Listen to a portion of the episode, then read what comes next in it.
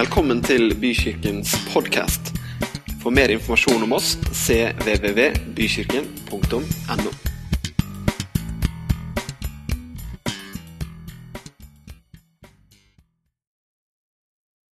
Jeg har vært aleine hele uka. Det er rart, altså. Helt aleine. Ingen andre enn meg og Sofus. Så jeg har ikke vært helt aleine. Sofus er vår eminente katt, som jeg syns har vært en ordentlig pain denne uka. For å si det sånn, han er ikke min katt. Og han syns det har vært fryktelig ensomt, tror jeg. Og jeg syns at det er skikkelig slitsomt med katt. Han skal inn, han skal ut, han skal ut om natta, han skal være inne om natta, for han er blitt så gammel at han kan ikke være ute og slåss lenger. Det er altså en ordentlig pain med katt. Kjære folk. Så jeg gleder meg så til ettermiddag når de som virkelig har hjerte for Sofus, kommer hjem i ettermiddag. altså. Så vi kan åpne opp og åpne igjen og ut og inn og fram og tilbake. Og god mat, og jeg vet ikke alt. Jeg har fylt opp lageret med god mat, og alt er beredt for en bra uke for min del uten å skulle ha ansvar for denne katta. Men det har vært en fin uke, og det er veldig bra noen ganger å gå og være aleine. Det er litt bra det noen ganger å kunne få lov til å spise frokost og tenne lys og sitte og koke deg noen egg og sitte der og bare nyte at det er stille. Tenk på det noen ganger, så er det bra. Og Denne uka har jeg prøvd å forberede meg litt til eh, denne søndagen. Det er jo også alltid spennende. Alltid nervøs, alltid spent. Og så håper jeg at eh, det jeg skal dele med dere i dag, eh, er noe som du kan få lov til å bruke inn i livet ditt i dagene som kommer. Jeg kommer kanskje til å provosere deg, kommer kanskje til å få dem til å tenke litt. Og så håper jeg at det skal være til velsignelse uansett. Eh, jeg pleier jo å begynne et eller annet sted jeg har vært. da, og Denne gangen så begynner vi i London 2016. Eh, jeg reiste sammen med min kollega bort til London. Vi skulle ha noen møter, og så skulle vi på en messe som jeg hadde vært diverse år tidligere også. Og eh, Det er en messe som heter BET, som er en sånn digital læringsmesse. En messe hvor folk som jobber i skole, eh, kommer for å se og lære. Og se på nye måter å gjøre ting på. De fleste av dere eh, er, når man er på skole, erfarer jo at man sitter med en pult og man har en stol, og så ser man fram på kateteret. Den største forskjellen nå i, i norsk skole er vel at eh, den forhøyninga av en plattform som vi står på nå, den er blitt borte i klasserommet. Det tror jeg er den største forskjellen på et klasserom. nesten, er ikke det, Are? Nei, det er ikke langt unna. Og så har det blitt en tavle som du kan skrive digitalt på. Nei da, det har skjedd noen ting ellers også. Eh, jeg syns alltid det er gøy å være på sånne messer, og det er alltid veldig slitsomt. Eh, men det var liksom én ting som jeg synes var kjempegøy med det bildet der. Hvis noen av dere ser nøye på det, så skjønner dere hvorfor jeg syns det er gøy. Ja, Det var noen i hvert fall som skjønte det. Det er en som kjører Windows på en Mac-maskin, og det er, det er, ganske morsomt for oss som er litt sånn digitale. Jeg skjønner ennå ikke hvordan det går an, men det går an. Det går faktisk fysisk an også, hvis du lurer på det, men det, det var veldig morsomt. Men eh, i denne messa og det jeg tenkte på, så, så, så var det liksom eh, noen ting som, som, var litt annerledes, og som kanskje gjør at man innimellom må tenke litt annerledes. Er det noen av dere som har hatt musikk på skolen? Ja. Er det noen av dere som har hatt blokkfløyte? Er det noen av dere som har spilt 'Morgenstemning' av Edvard Grieg? Ja. Det var noen, det også. Eh, altså, det var liksom musikkundervisninga. Jeg husker jo at det var liksom veldig sånn her, det var standard. Jeg husker jeg satt og spilte morgenstemning, og det var låt forferdelig. altså Grusomt. Jeg var ingen god blokkfløytespiller. Og jeg tror mange mammaer og pappaer opp gjennom åra har liksom tenkt at det musikkfaget det pusher jeg ikke så veldig når det kommer til denne øvinga på blokkfløyte. Det har ikke vært like lekkert. Eh, og så er man på digital messe, og så skjer det noe som jo er litt annerledes. For eh, vi skal se også de, Disse skal, ha, skal spille for oss. Og for de av dere som ser nøye, så har de en iPad her. Og så skal vi høre dem spille. Disse hadde iPad. Det er én som spiller gitar, og så er det fire stykker her vel som står og spiller eh, har hatt musikkundervisning. Altså, De har gjort ting på en annen måte, men de spiller noe. Altså, Det er ikke morgenstemning. Og jeg tenker noen ganger at ting endrer seg. Og barna deres som har barn på skolen, og de opplever noe helt annet i musikkundervisninga enn når vi spilte morgenstemning og også hadde utdelt, utdelt kastanjetter og tamburiner og sånn. Det var et mareritt, ikke sant? Ja, Dere husker det jo alle, ikke sant? Det var jo Jeg tenker på stakkars lærere noen ganger. Det må jo ha vært helt grusomt. Eh, vi skal snakke litt om bærekraftige liv.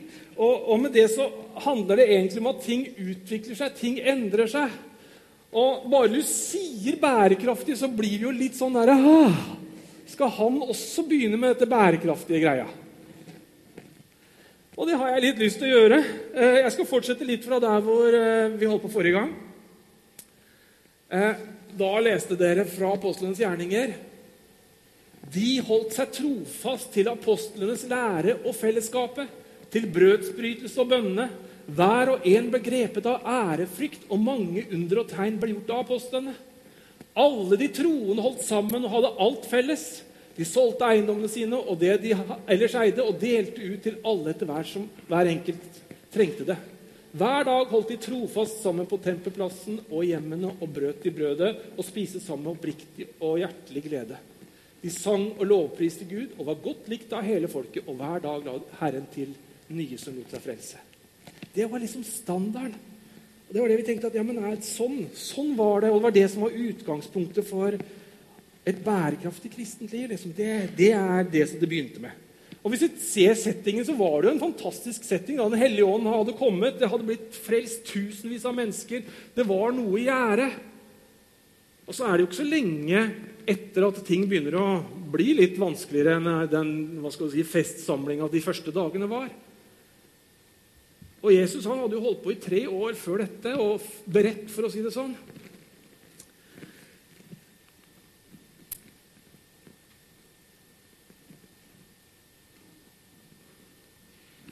Jeg fant en definisjon på nett rundt bærekraft. Det er en slags gyllen regel for livet på jorda. Vi må leve på en måte som gjør at vi får det vi trenger, uten å skade andre mennesker eller naturen. Einar, skal du snakke om sånt noe i dag, da? Er det noen av dere som eh, leser debatten om dagen? Følger med på dette? Klimamål, har du hørt ordet? Ja? Har du hørt Trump? Greta Thunberg? Blir du provosert når jeg sier det? Får du mange tanker? Ja. Jeg har denne uka her gått og tenkt mye på, på en del av dette her. Eh, jeg lurte på om man kunne omskrive det når vi kommer til kirke, for kirke er jo så viktig del av livet våre. Og Vi skal komme inn på noe av det andre også, men jeg vil bare si. Kan vi skrive det sånn? Bærekraft er, vikt, er viktig for livet i kirka. Vi må leve på en måte som gjør at vi får det vi trenger, og har mulighet til å velsigne andre uten å skade eller hindre andre nå eller i fremtiden fra å ha en nær relasjon med Gud. Det er jo en bærekraft som er ganske spennende, for den tar med seg åndslivet også i hvordan vi lever.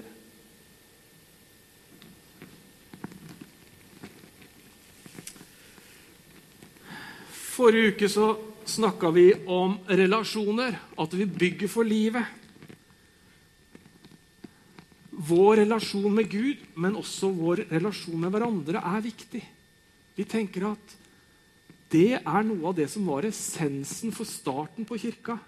Og vi tror at det er essensen for videreføring av kirka også. Relasjon er og blir viktig for oss mennesker, selv om vi har fått skjermer. Selv om vi kan løse enormt mye på skjermer, så er det noe annet å sitte og se noen på andre sida av bordet og spise med dem, eller å få lov til å holde dem i handa få lov til å møte dem, få lov til å høre på dem, enn bare å se det på en skjerm. Og Jeg elsker skjermer, det vet dere. Det, har ikke noe med det å gjøre, men det har bare om at, at man, man, må bare se det i mengder. Men relasjoner er viktig for oss. Men vi ser så lett at relasjoner i dag er problematiske. Det er enklere å skrive en melding. Enklere å sende et bilde. Veldig raskt, veldig uforpliktende mange ganger enn å reise og møte. Og så er det en sann velsignelse i andre sammenheng. Jeg kjenner noen som har barnebarn i USA. og Det er helt utrolig. Kan jo hilse på barnebarnet hver dag hvis de vil, på skjerm. Og det er det mest naturlige for det barnet. Så, så, så det er mange fordeler også, men vi ser at relasjoner er viktig. Når vi bygger kirke, så er en av de mest bærekraftige tinga er relasjoner. Å se hverandre og være nær hverandre. Rytme snakka vi også om. Det å ha system på noen ting som gjelder Guds liv, er veldig viktig. Det er ingen av dere som er blitt gode til å spille gitar. Jeg, Ole Martin, ja, veldig bra hvis han spiller gitar, ikke sant? Kjempebra. Men han har nok øvd et par timer. Har nok brukt litt tid på det for å bli der. Gunnar også. Ble ikke fornærma for jeg ikke nevnte deg med en gang. Nei, det går helt fint. Også, det, det, det, det, handler jo om at man har brukt tid på noe. Og det samme er det jo med gudslivet vårt. Og så blir det vanskelig, for hvis du skal øve bare for å øve fordi at noen har sagt at du skal øve, så blir det jo ikke så veldig greit. Men hvis du øver fordi du trives og har det bra, så er det noe helt annet. Og Ofte så har jo våre gudsliv, vårt kristenliv, det har blitt litt sånn at ja, men de sier at jeg må. Og det er slitsomt. Er det noe de fleste av oss, i hvert fall vi voksne, når noen sier at du skal, da er det et eller annet som reiser seg i oss, og så sier ah, ikke skal han eller hun bestemme noe over meg. Men det har jo vært noe religiøst over det hele. At vi må gjøre sånn og sånn, vi må være sånn og sånn, og vi skal gjøre sånn og sånn. Det er ikke det jeg snakker om. Jeg snakker om at du har en forhold med Gud som gjør at det blir helt naturlig. Altså, Jeg har ingen diskusjon med meg sjøl hver dag om jeg skal spise. Er det noen som diskuterer med deg sjøl om skal jeg spise frokost i dag? Altså, det er helt, helt sånn det bare er. Altså, når jeg kokte egg til morgenen i dag, så er det bare helt Ja, men jeg skal spise frokost. På med kaffen, på med egg, og så fikk jeg på meg noen klær. Og så fikk jeg liksom spist frokost. Men det er ikke en stor diskusjon, det. Men vårt åndsliv så, så prøver noen å ta bort frokosten vår. Noen prøver å ta oppmerksomheten sånn at vi ikke får møtt de menneskene kanskje vi har blitt minnet om. Altså, det, det er sånt som skjer, men vi må være litt bevisst på det, tror jeg. På at Gud ønsker en rytme over livet vårt. Ikke for at noen skal bestemme det, men fordi at det er naturlig. Resultater Uff a meg. Det er, det er jo vondt å snakke om resultater. Jeg har kanskje nevnt det før, men jeg prata med en kar i Innovasjon Norge for et par år siden. og Han sa at den største utfordringen i norske bedrifter er at man er livredd tall. Tall som viser om ting går opp eller ned, frem eller tilbake. Det er farlig. For jeg har vært så vant til at ting har gått så bra. Og det er litt skummelt. Men tall er faktisk ikke farlig. Og som du måler om en ting skal være 90 cm eller 110 cm, er ganske greit å kunne det og se at ja, dette, denne, dette, blir for kort, dette blir for lite, dette blir for mye. Altså Man kan justere. Det med at mennesket møter Jesus gjennom oss, og at det blir lagt til mennesker til en kirke, det er et naturlig resultat. Vi ønsker det. Jeg tror vi alle ønsker innerst inne. Så vi må kanskje være redd for det. Så vi, jeg tenker at denne visjonen som vi stadig vekk trekker fram, og som jeg kommer til å snakke om sikkert lenge, lenge, det må hjelpe at unge og voksne hjelper hverandre til å leve åpne liv. Det er liksom greia om dagen. Det er det som, som jeg er veldig opptatt av. i hvert fall. Bråker det fælt nå? Går det bra? Ja. Eh, jeg må snakke om denne damen. Unge damen. Barn vil noen si at hun er. Andre sier hun er voksen fordi hun er på de voksnes arena. Jeg skal ikke snakke så mye om saken hun står for, i utgangspunktet. Det kunne vi snakka mye og lenge om. Og jeg tror noen ville hatt mange, tror jeg mange forskjellige synspunkter. Det jeg har tenkt på denne uka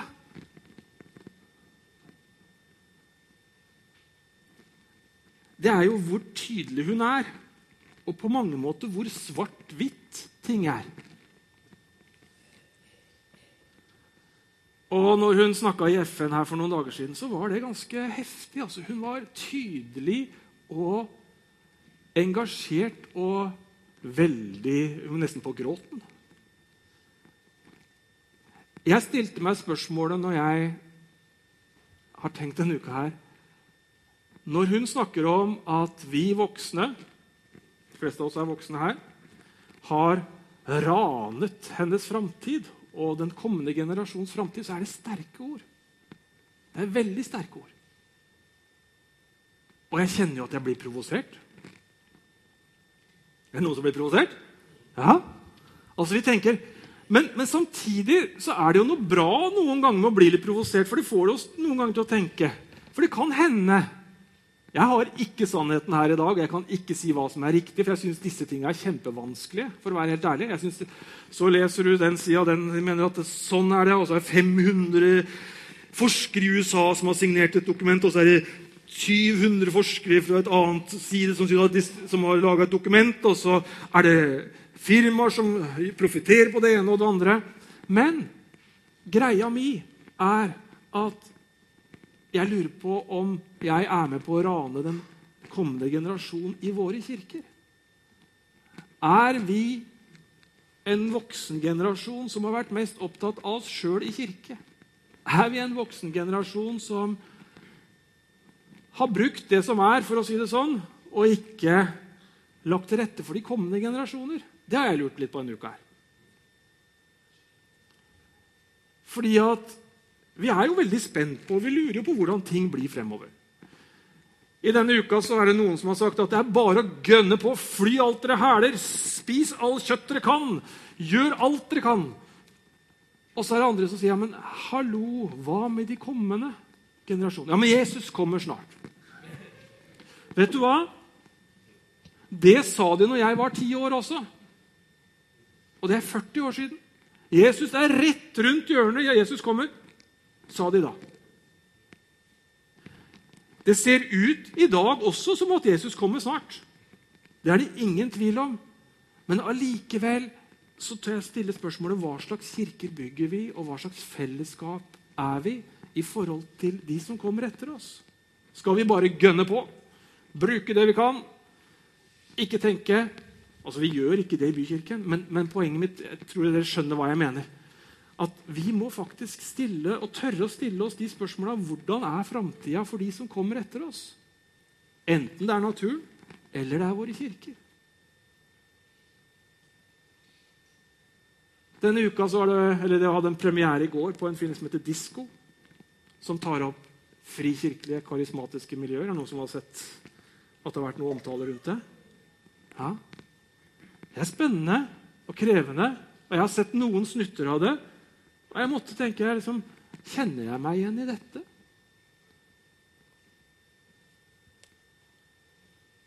Dessverre så kjenner jeg vel til at det har skjedd i noen kirker jeg kjenner til. Jeg kjenner meg ikke igjen i mitt kirkemiljø, men jeg kjenner at noen har opplevd å bli leda og bestemt over på en måte som ikke er greit. Det er ikke bærekraftig, for å si det sånn. Det som kommer nå i omtale og sånn, er ikke ting som vi syns er kjempegreit. Men vi må som kirke bygge en bærekraftig kirke som gir noe til den kommende generasjon.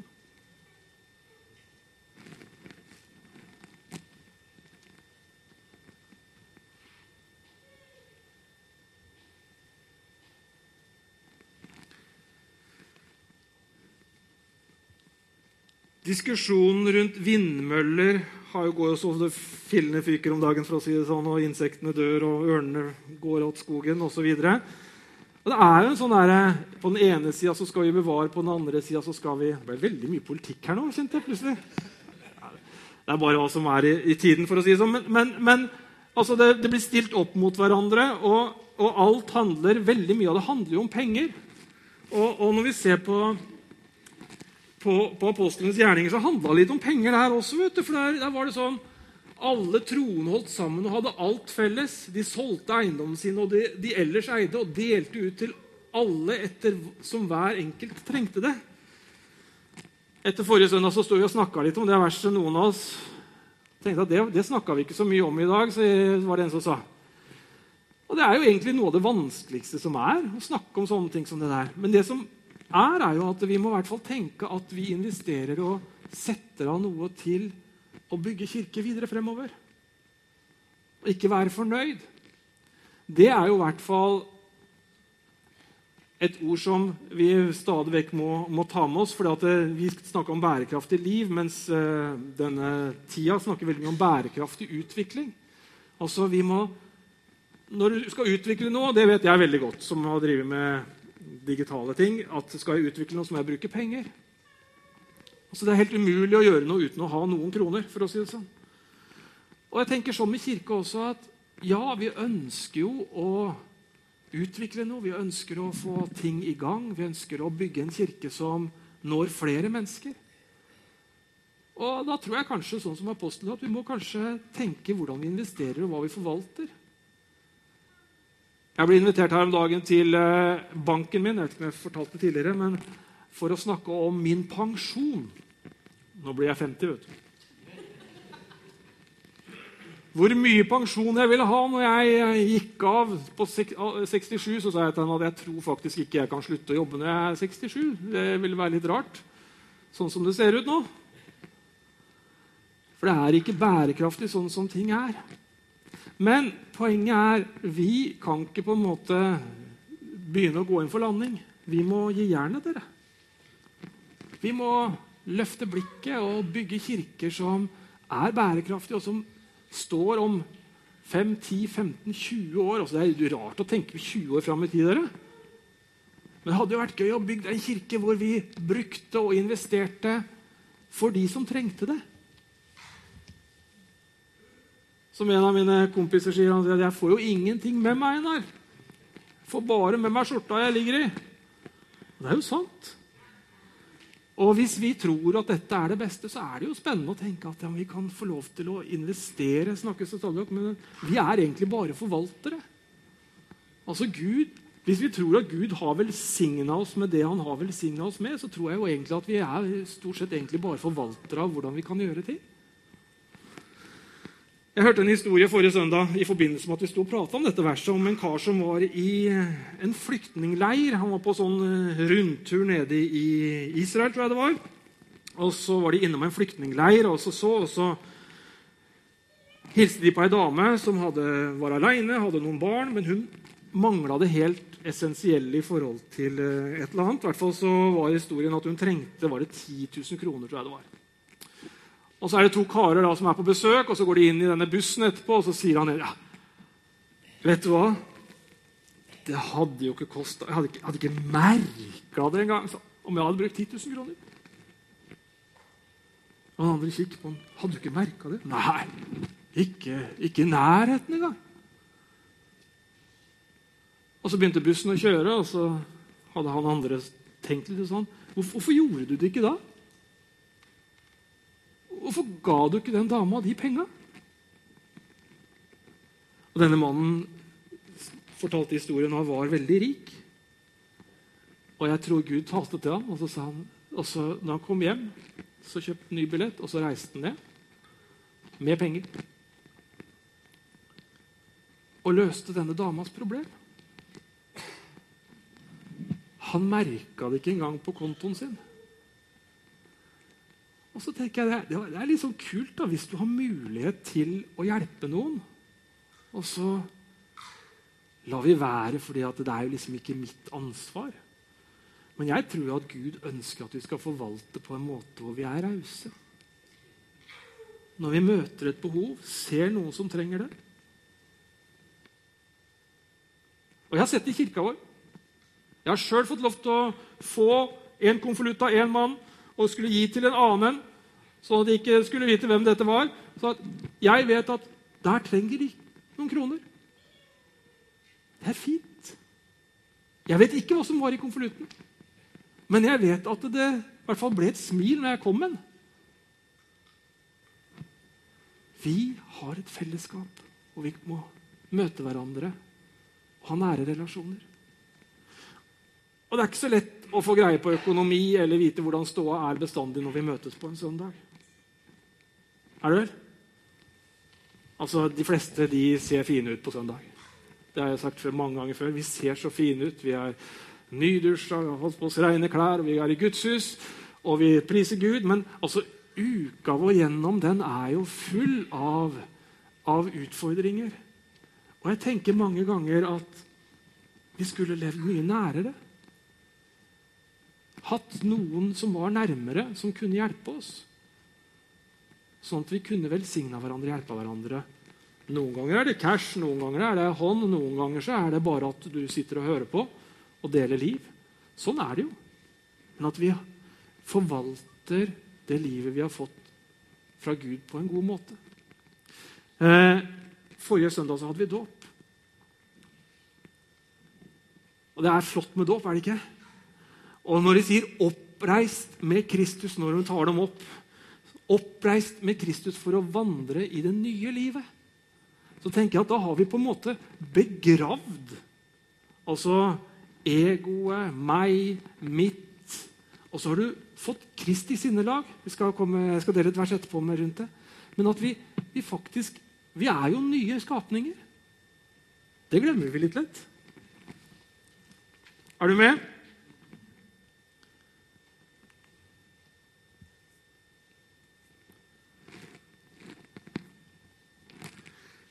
Og vi har ikke noe tempelplass i Tønsberg. Vi har ikke det, tenker du. Og de brøt brød og spiste sammen. Men jeg tror faktisk at vi skal tenke, når vi bygger kirke, mye nære relasjoner. Så tenker du ja, men jeg blir ikke invitert. Men begynn å invitere, da. Det er kjempefint. Kunne være sammen. Så er det noen praktiske ting. Vi har en hektisk hverdag. Men jeg har jo tidligere snakka om liv som vi ikke må ha ferie fra. Altså Prøv å leve et liv hvor du har mulighet til å leve og møte hverandre. Og familien din, ikke minst. Ta vare på familien din.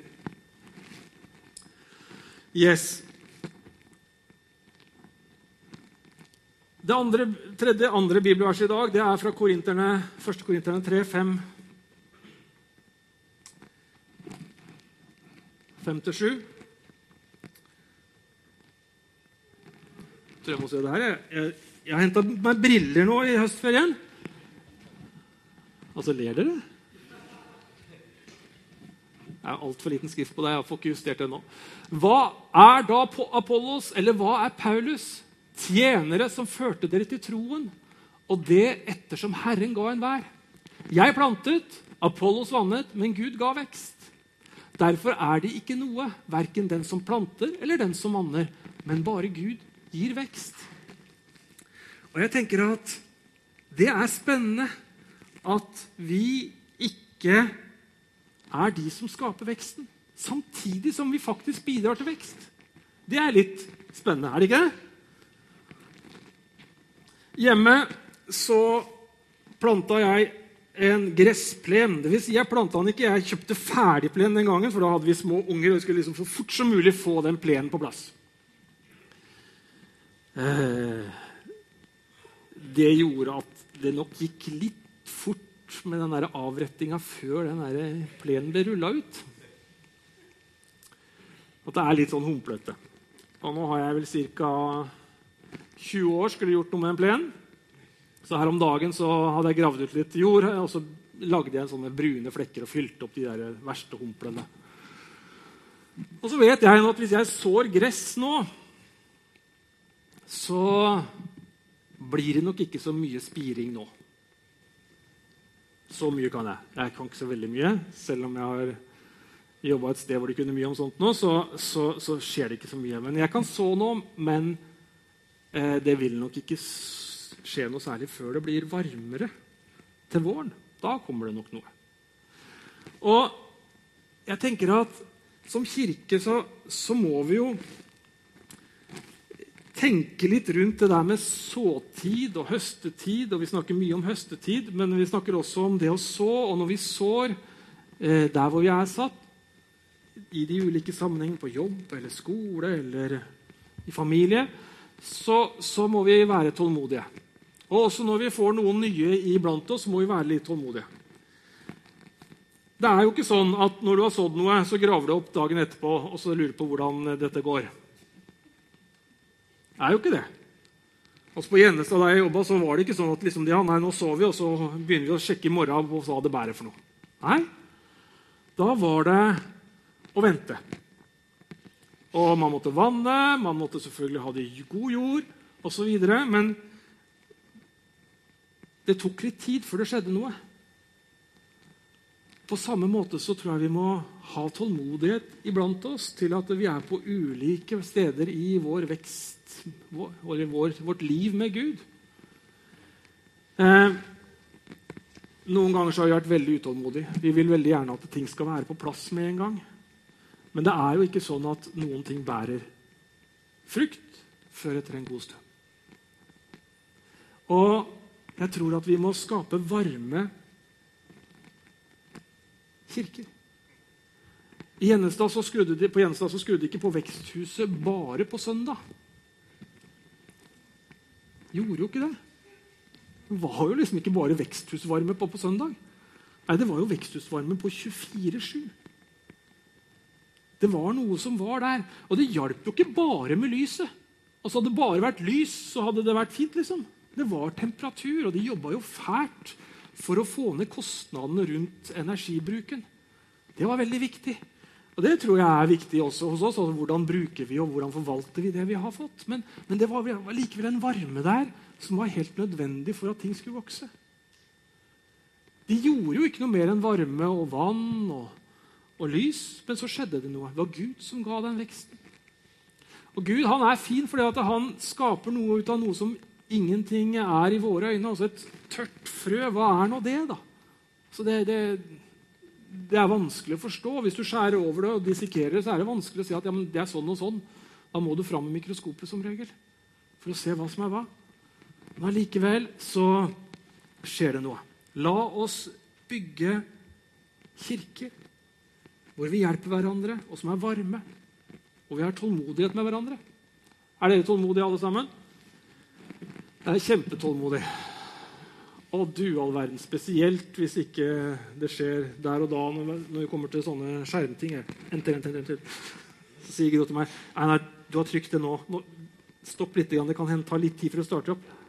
Og jo verre det er eller, Jeg var hjemme hos moderen og faderen eh, her i sommer og installerte en ny eh, Mac. og eh, Så skulle jeg laste ned noen programvare etter hvert.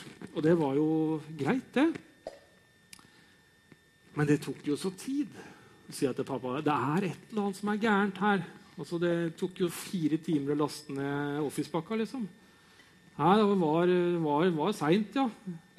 Og så viste det at det var en ruter som var eh, brent i stykker. Og så var det liksom istedenfor 8 opp og 28 ned, så var det plutselig 300 opp og 300 ned. Og det, det er store forskjeller. Men noen ganger så er det allikevel sånn at vi må ha litt tålmodighet. Skal vi få med alle, så må vi eh, stå sammen og skape et miljø hvor alle kan få lov til å være med. Hvor voksne vokser, men også barna vokser.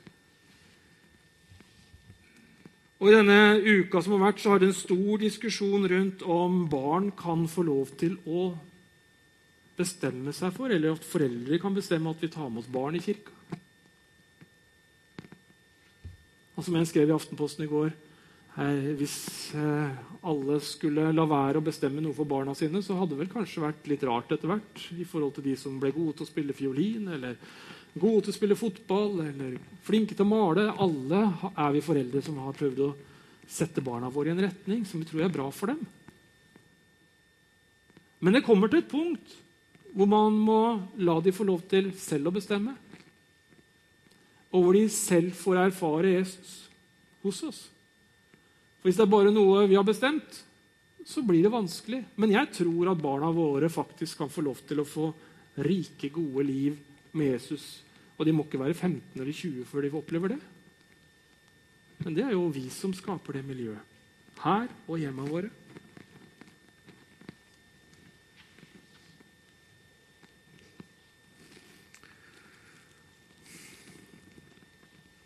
Jesus hadde et fantastisk sinnelag, for å si det sånn. Han var en mann som vi ønsker å følge. Jeg tror det er viktig at vi følger Jesus og ikke mennesker. Det er mange som mener mangt om mye, men jeg tror det er viktig å ha et fokus på Jesus og hvordan han var, og hvordan han er med mennesker i dag iblant oss. Det er ikke alltid like lett. Men jeg tror at ved Den hellige ånd i oss så vil vi få lov til å litt etter litt få lov til å kunne ha hans sinnelag. Og så greier vi ikke det fullkomment. Den første menighet som vi leste om helt i begynnelsen, de var fullkomne noen dager, og så begynte moroa, for å si det sånn. Det gjorde det. Det blei skikkelig moro, og de krangla så busta føyk.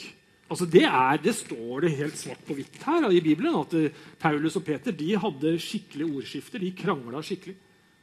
Så de var mennesker, de også. Så Jeg sier ikke at vi blir perfekte, men vi kan strekke oss etter å ha Kristi sinnlag. Jeg har ikke tro på, jeg tror ikke Paulus og Peter tror nødvendigvis ikke det var bra at de krangla, men de fikk jo i hvert fall ting på banen og opp. Samtidig så må vi ikke bli en kirke hvor vi er livredd for å ikke være enige eller uenige. Så det er jo alltid ulike oppfatninger rundt ting. Det er ikke farlig å være uenig, men det er farlig å bli sint på eller hate eller ikke være god med. Det er farlig. Men om Gunnar og jeg har ulik smak på noe, eller eh, Arild og jeg mener noe, noe, forskjellig om motorsykler, ikke sant? Så, så, så, så spiller ikke det noen rolle. Det, jo, det, er, det, er, jo ikke det grunnleggende, vi jo, for vi er jo forskjellige. Og det er jo kanskje det mest utrolige med kirke. Det er jo at vi er så forskjellige. Vi, vi er der ikke liksom på en sånn felles interesse for frimerker eller motorsykler eller eh, fotballag. Også. Det er ikke de tinga som samler oss, men det er Jesus som samler oss som veldig forskjellige mennesker. Ergo så må det være rom for også de forskjellige menneskene. Men jeg tror allikevel at vi sammen bygger kirke. Og vi må bygge en kirke for framtida som er bærekraftig. Så det er sammen vi skaper det miljøet hvor unge og voksne hjelper hverandre. Det er sammen vi forvalter det vi er blitt gitt, på en god måte.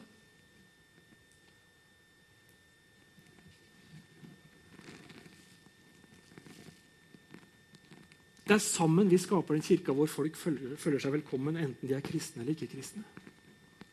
Jeg merker om dagen Når jeg sier at jeg er i kirka mi, så ser jeg noen de ah, det er, det er litt skummelt når de skjønner at du er kristen. Så tenker jeg det er bra at de får høre at jeg er kristen.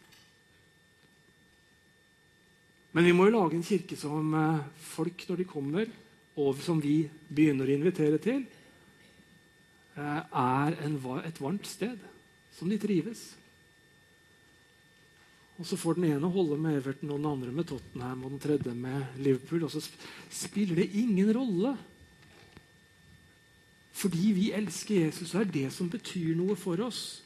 Det er det som har et lengre perspektiv enn den korte moroa med dagens kamper eller eh, dagens konsertopplevelse med den og den. For det er, det er, veldig korte ting, og jeg tror vi skal, skal kunne glede oss over de tinga. Men jeg tror at vi også må ha det lange perspektivet på at vi bygger kirke for ikke bare framtiden, men for evigheten. Og Det er det en annen bærekraft over. Det er en helt annen situasjon. Det er noe som vi må jobbe med på en helt annen måte enn også skulle redde jorda innen 2030. Og så må vi gjøre noe i forhold til jorda vår. Vi kan ikke bare lukke øya og håpe at det går over. Men vi kan heller ikke bare lukke øya og håpe at Jesus kommer igjen om tre år, for da slipper vi å, å, å jobbe. Jeg håper at Jesus kommer igjen om tre år. Det har vært fantastisk. Men vi vet ikke om han kommer hjem. Det er bare vår Herre som vet. Faktisk. Selv om noen har sett det ene og det andre. Og da tenker jeg la oss sammen bygge denne kirken. La oss sammen utgjøre denne forskjellen. Og jeg gleder meg over det. Fantastisk utgangspunkt som kirke vi har. Vi er jo så velsigna og privilegerte. Men la oss forvalte det sammen også på en god måte. Med det spekteret av mennesker og interesser altså Vi har jo kontaktflater over, overalt, for å si det sånn.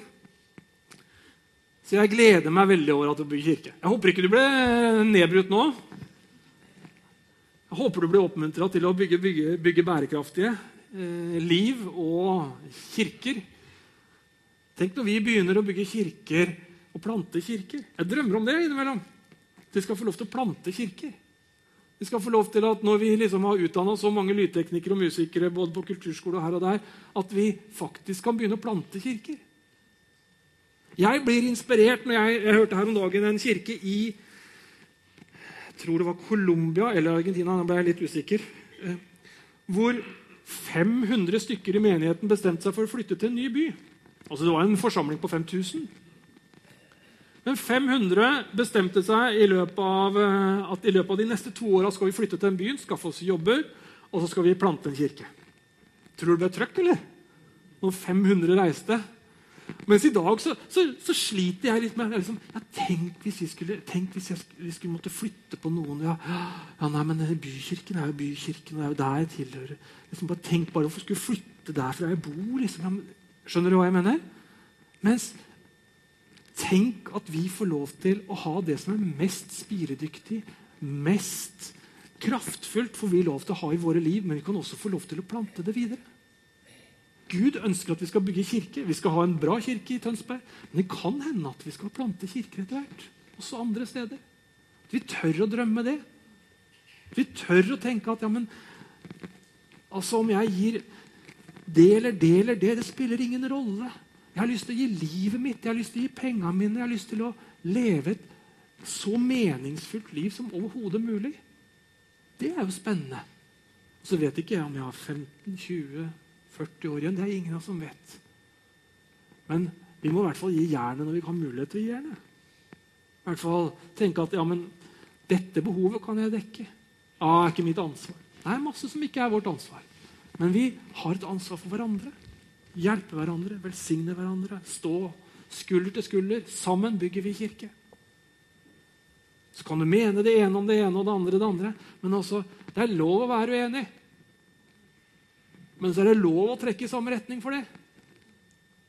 Og så er det noen ganger vårt, vårt åndsliv endrer seg underveis også. Noen av dere som har endra mening? Så De fleste av oss har jo endra mening. Greta Thunberg var, er veldig svart-hvitt. Jeg var veldig svart-hvitt når jeg var 20 år. altså. Ekstremt svart-hvitt. Blitt litt mer nyansert nå. Men sånn er det jo med oss. Så ting endrer seg. Vi får mer erfaring, mer kunnskap. Men la oss bruke det vi har fått, til å skape endring med vår erfaring. La oss bygge en kirke som vokser, og som mennesker får lov til å kjenne varmen i når de kommer her. Yes, Skal vi få lovsangen opp?